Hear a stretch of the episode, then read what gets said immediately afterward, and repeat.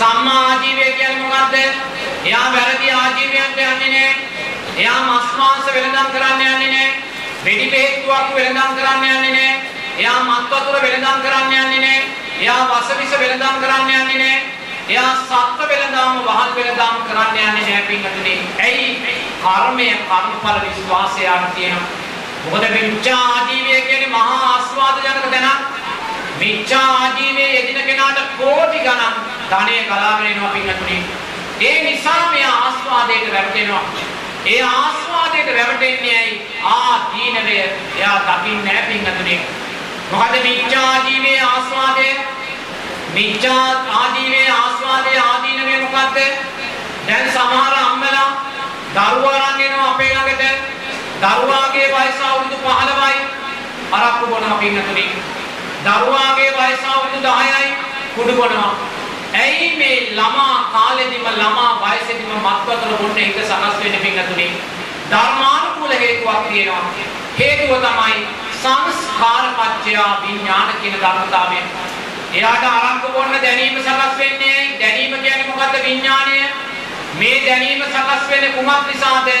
අතීත සංස්කාරයන් ඔහු පිටිපස්සේ තියෙන නිසා සංස්කාරපච්චය විඥාන අන්න දැනීම සකස් වෙනවා අරක්කු බොන්න පින්වතුනි.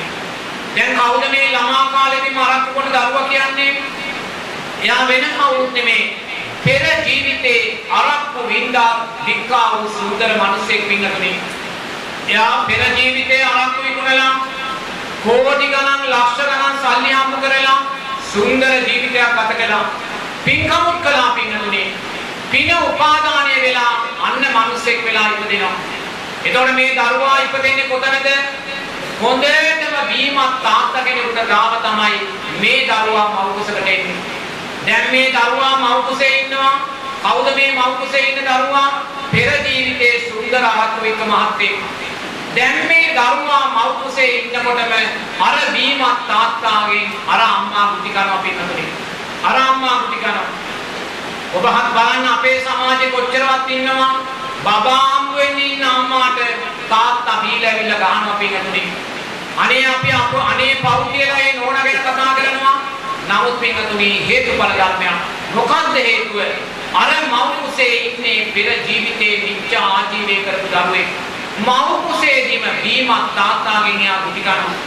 ඊළඟට මේ දරුවා ලෝකෙට බිහි වෙනවා. ළමා වයස එනවා. අර තාත්තා රැයට බීලා එනකොට දරුවා ඉන්නේ ඇඳයට පින්නතුනේ. හේතුවක් තියෙනවා. කවුද මේ දරුවා? පෙර ජීවිතේ අරක් විකුණපු කෙනෙක්මයි. පෙර ජීවිතේ අරක්කු විකුණලා ඒ අරක්කු බීපු මිනිස්සුયો ගෙවල් වල ගිහිල්ලා නෝනට ගැහුවා දරුවන්ට ගැහුවා.